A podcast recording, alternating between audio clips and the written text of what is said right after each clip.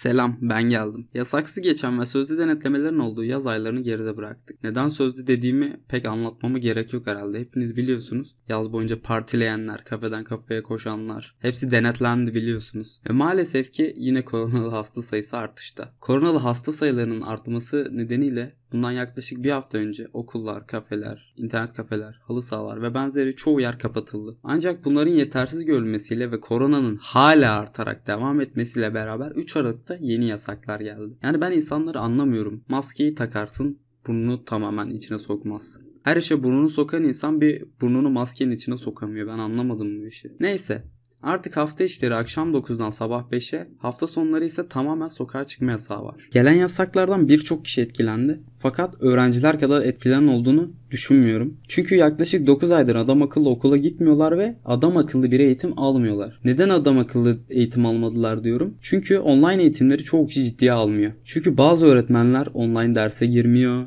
Girenler de adam akıllı ders işlemiyor. İşleseler bile 40 dakika işlemesi gereken dersi daha az işliyor.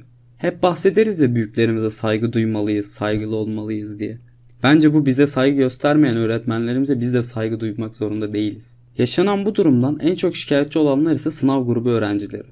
LGS ve YKS sınavına girecek olan öğrenciler bu konudaki mağduriyetlerini oldukça sık bir şekilde sosyal medyada vesaire yerlerde dile getiriyorlar. Ancak nafile. Eğitimin tamamen online olacağının açıklanmasından sonra öğrenciler ve veliler Milli Eğitim binasına akın ettiler. Ki ben şöyle düşünüyorum oluşan baskıdan dolayı Ziya Selçuk sınav müfredatı hakkında yeni bir açıklama yapacağını duyurdu. Yani bu bence o günü yatıştırmak içindi. Aradan bir hafta geçti açıklamanın duyurulması gerekiyordu. Ancak hiçbir şekilde böyle bir duyuru gelmedi. Ve bu duyurunun gelmemesiyle beraber yeni müfredatın yıl başında açıklanacağı haberleri dönmeye başladı. Yani düşünsenize sınava kalmış 6 ay, sınava 5 ay kala yeni müfredatı açıklıyorsunuz. Ne saçma değil mi? Neyse aradan 9 gün geçti ve yeni açıklama geldi. Ve bu açıklamada LGS ve YKS öğrencileri tüm müfredattan sorumlu olacağı belirtiliyordu. Tüm müfredattan.